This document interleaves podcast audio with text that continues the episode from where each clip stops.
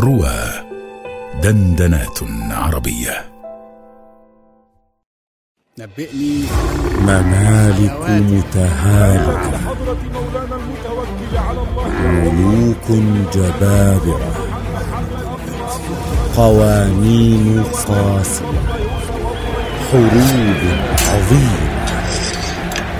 ملاحم؟ أتبحر تسمعونها في إلياذة عربية بعنوان الأيام الكبرى. على رواه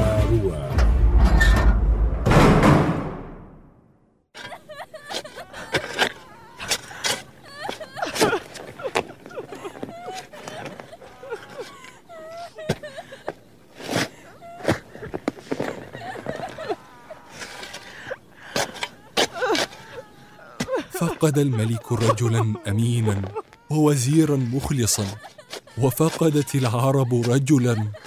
كنا نتفاخر به أمام الأعاجم حيث نقول كاتب ديوان كسرى منا نحن العرب.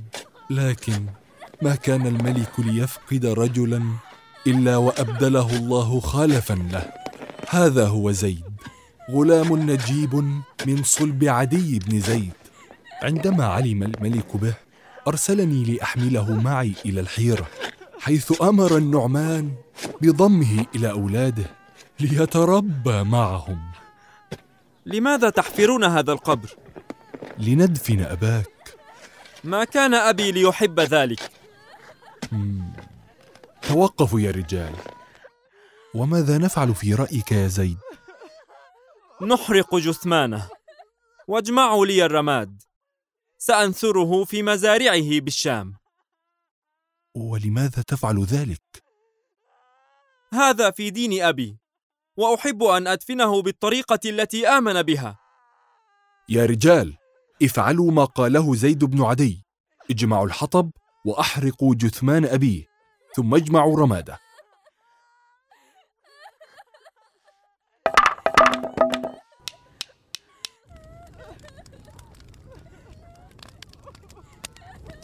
الآن يا زيد أريدك أن تتهيأ للسفر معي إلى الحيرة. وأذهب إلى الرجل الذي قتل أبي ليقتلني أنا أيضا؟ النعمان لم يقتل أباك لم يأمر بذلك قط. لكنه أمر بسجنه وأبي مات في السجن. النعمان لم يعلم بمرض أبيك إلا متأخرا.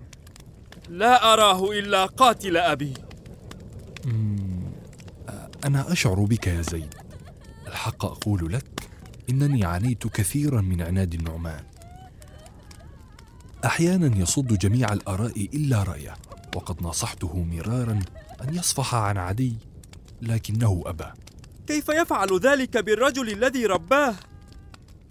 لقد ندم كثيرا بعد موته لذلك أرسلني إليك. وأنا لن أذهب. لا أطيق المكث عند رجل قتل أبي لا يمكنك أن تعصي أمر الملك يا غلام لكن يمكنك أن تستغل ذلك في صالحك. كيف؟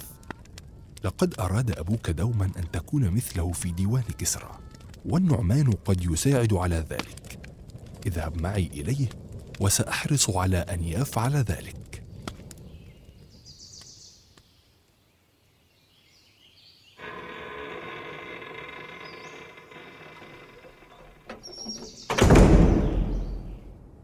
أبيت اللعن أيها الملك. هل أتيت بالغلام يا ابن مارينا؟ نعم يا سيدي. ادخل يا زيد. جئت إليك كما أمرتني أيها الملك. رباه كأنني أرى أباك. لقد قررت أن تتربى عندي يا زيد وبين أولادي. لا أفرق بينك وبينهم. يا مولاي إن بقي في قلبك حب لأبي فإني سائلك شيئا وأرجو ألا تردني. سل ما شئت. إن من الشرف العظيم أن أمكث هنا مع بنيك لكن أبي كان يحب أن يراني في ديوان كسرى أحذو حذوة. لكن لكنك ما زلت صغيرا. لقد سمعت الغلام يا مولاي. لديه من البيان وحسن المنطق ما يفوق أقرانه. كما أن أباه انضم إلى ديوان كسرى وهو أصغر منه. نعم. لكن أنا أريده هنا. إن كان يريد الديوان فلينضم إلى ديواني وليدنو من مجلسي. مولاي مولاي الغلام يريد أن يسير على خطى أبيه كما أن كسرى ما زال غاضبا مما حدث لعدي. غلام نجيب مثل زيد سيخفف غضبه. هم حسنا ليكن ما تريد يا زيد. يا ابن مارينا ألبسه أفخر الثياب وجهزه. وهيئه للسير إلى كسرى واكتب كتابا يحمله معه. وماذا أكتب في الكتاب يا مولاي؟ اكتب إن عاديا كان ممن أعين به الملك في نصحه ولبه فأصابه ما لا بد منه وانقطعت مدته وانقضى أجله ولم يصب به أحد أشد من مصيبتي. آه. وأما الملك فلم يكن ليفقد رجلا إلا جعل الله له منه خلفا.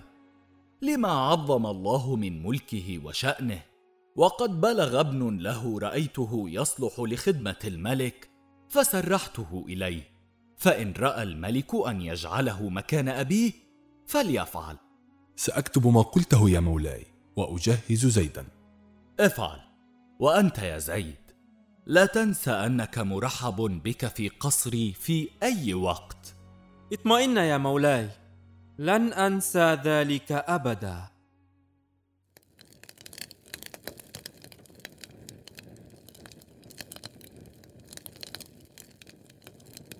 هل فقدت عقلك؟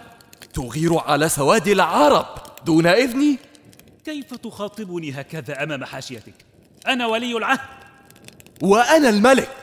ولا تنس أنك ابن. وأنا لم أمت بعد. كي تتصرف في جيش الفرس وتحركه كما تشاء. قد قتل العرب كاتب ديوانك. وماذا فعلت أنت؟ جلست مكانك تنتحب عليه وتركت قاتله ينعم بحياته. وهل تهتم أنت لحياته؟ إنما تسعى لمجدك الشخصي. مجدي هو مجد فارس الذي ضيعته أنت برحمتك بهؤلاء الأجلاف. تأدب مع أبيك. أقسم بدم أبي أنوشروان لو لم أكن سميتك وليا للعهد لألقيت بك إلى الأسود. ستموت يوما أيها العجوز وسأرث حكم فارس. سأحرص أن أعمر طويلا حتى ينبت لك عقل وتصبح صالحا للحكم. لا أصدق أنني أسميته كسرى تيمنا باسم أبي. لم يرث شيئا من حكمته. هون عليك يا مولاي. فيما جئتني. كنت تقول شيئا قبل أن يقاطعنا ابني. نعم يا مولاي. لقد بعث النعمان إليك غلاما ومعه كتاب. أين هو ذلك الغلام؟ أدخلوا الغلام.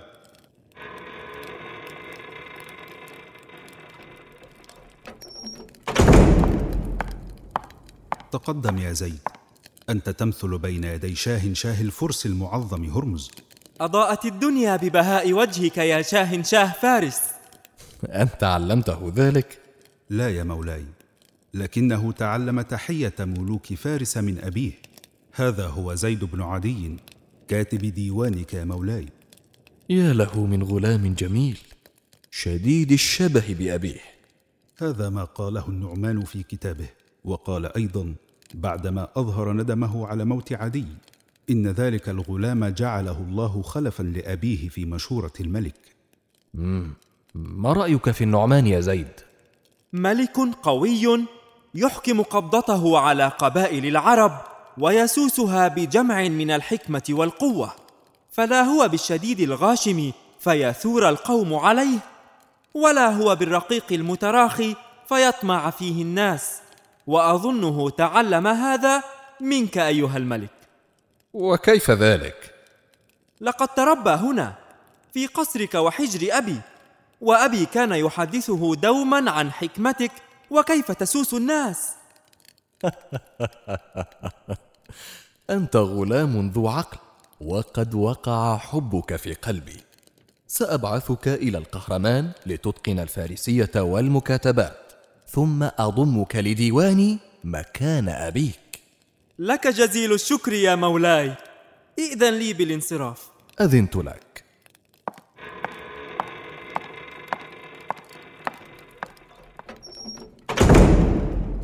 ما رأيك في فعل النعمان؟ أظنه نادما فعلا وقد أرسل هذا الغلام اتقاء لغضبك. حسنا. اعتني به جيدا. وأريدك في أمر آخر. وما هو يا مولاي؟ أريدك أن تراقب كسرى ابني من دون أن يشعر. أريدك أن تعرف كل شيء عن بطانته. أمرك يا مولاي. افتح يا ابن مارينا إنه أنا الأسود. أسمعت بالأمر؟ التقط أنفاسك أولا ثم أخبرني أي أمر. لقد أغار هرمز على السواد. مم. نعم سمعت. ربما رفض بعض العرب هناك أن يدفعوا الخراج أو ما شابه. لا أظن الأمر هكذا. لقد خرج كسرى بن هرمز على رأس الجيش. أظن أن للأمر علاقة بما حدث لعدي. ربما علم هرمز أننا قتلنا كاتبة. شش أخفض صوتك. وكيف سيعلم ذلك؟ لا ذلك لم يحدث. فبماذا تفسر ما حدث؟ ما حدث ليس من شيم هرمز وإلا أرسل جنوده إلينا ليحصدوا رؤوسنا. أظنها فعلة كسرى. يفعل ذلك دون موافقة أبي. هذا جائز.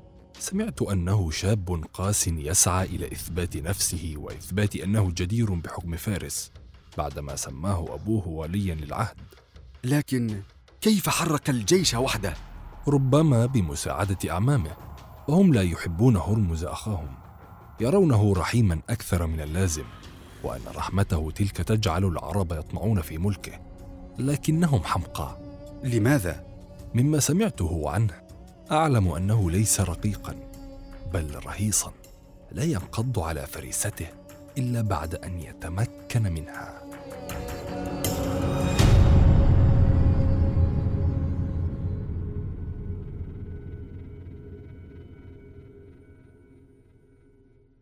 قد أحسنت فعلا يا كسرى. حتى إنني فكرت أن نطلق عليك لقب برويز لتستخدمه حين تعتلي العرش فإنك لم تهزم في معركة قط. هذا شرف عظيم يا عماه. لكنه تحدى والده وهذا خطر. لو عرفتم هرمز كما أعرفه لأدركتم أهمية اتقاء غضبه. كفاك جبنا! ما هو إلا رجل رقيق! وقد أكسبه نعيم الملك هونا لكن برويز هنا أثقله لهيب الحرب.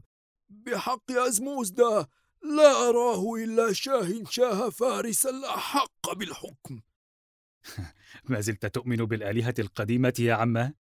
لم أجد غيرها أحق بالعبادة. الآن لنتدبر خطواتنا التالية. لنتريث قليلا. ونفكر جيدا قبلها. دعونا نحد من اجتماعاتنا هذه حتى نرى فعل هرمز. أرى أن نغتنم الفرصة. الجيش يحب برويز ويقدرنا. لنوحد الجيش وننزع الملك من هرمز. ما هذا؟ كيف تقتحمون منزلي هكذا؟ لا أحد يتحرك من مكانه. تفضل يا مولاي. هرمز خذوا ابني واقتادوه إلى القصر. لا لا لن أرحل من هنا.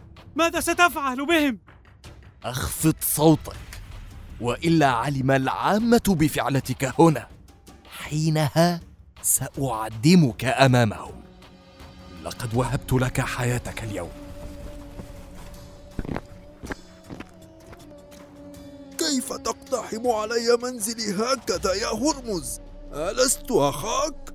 منزلك أنا أهديت إليك تلك الضيعة. عندما توليت الملك ما كنت أحسب أنك ستتآمر علي فيها. نحن لم نفعل. سامحنا أيها الملك الرحيم. لا تتوسل. ماذا ستفعل يا هرمز؟ ستأمر حراسك أن يقتلونا؟ هنا. لا. لست مثلكم أفعل ما أفعله في الخفاء. سيقتادكم الحراس للسجن وفي الصباح ستحاكمون أمام العامة. بعدها سآمر حراسي أن يقتلوكم.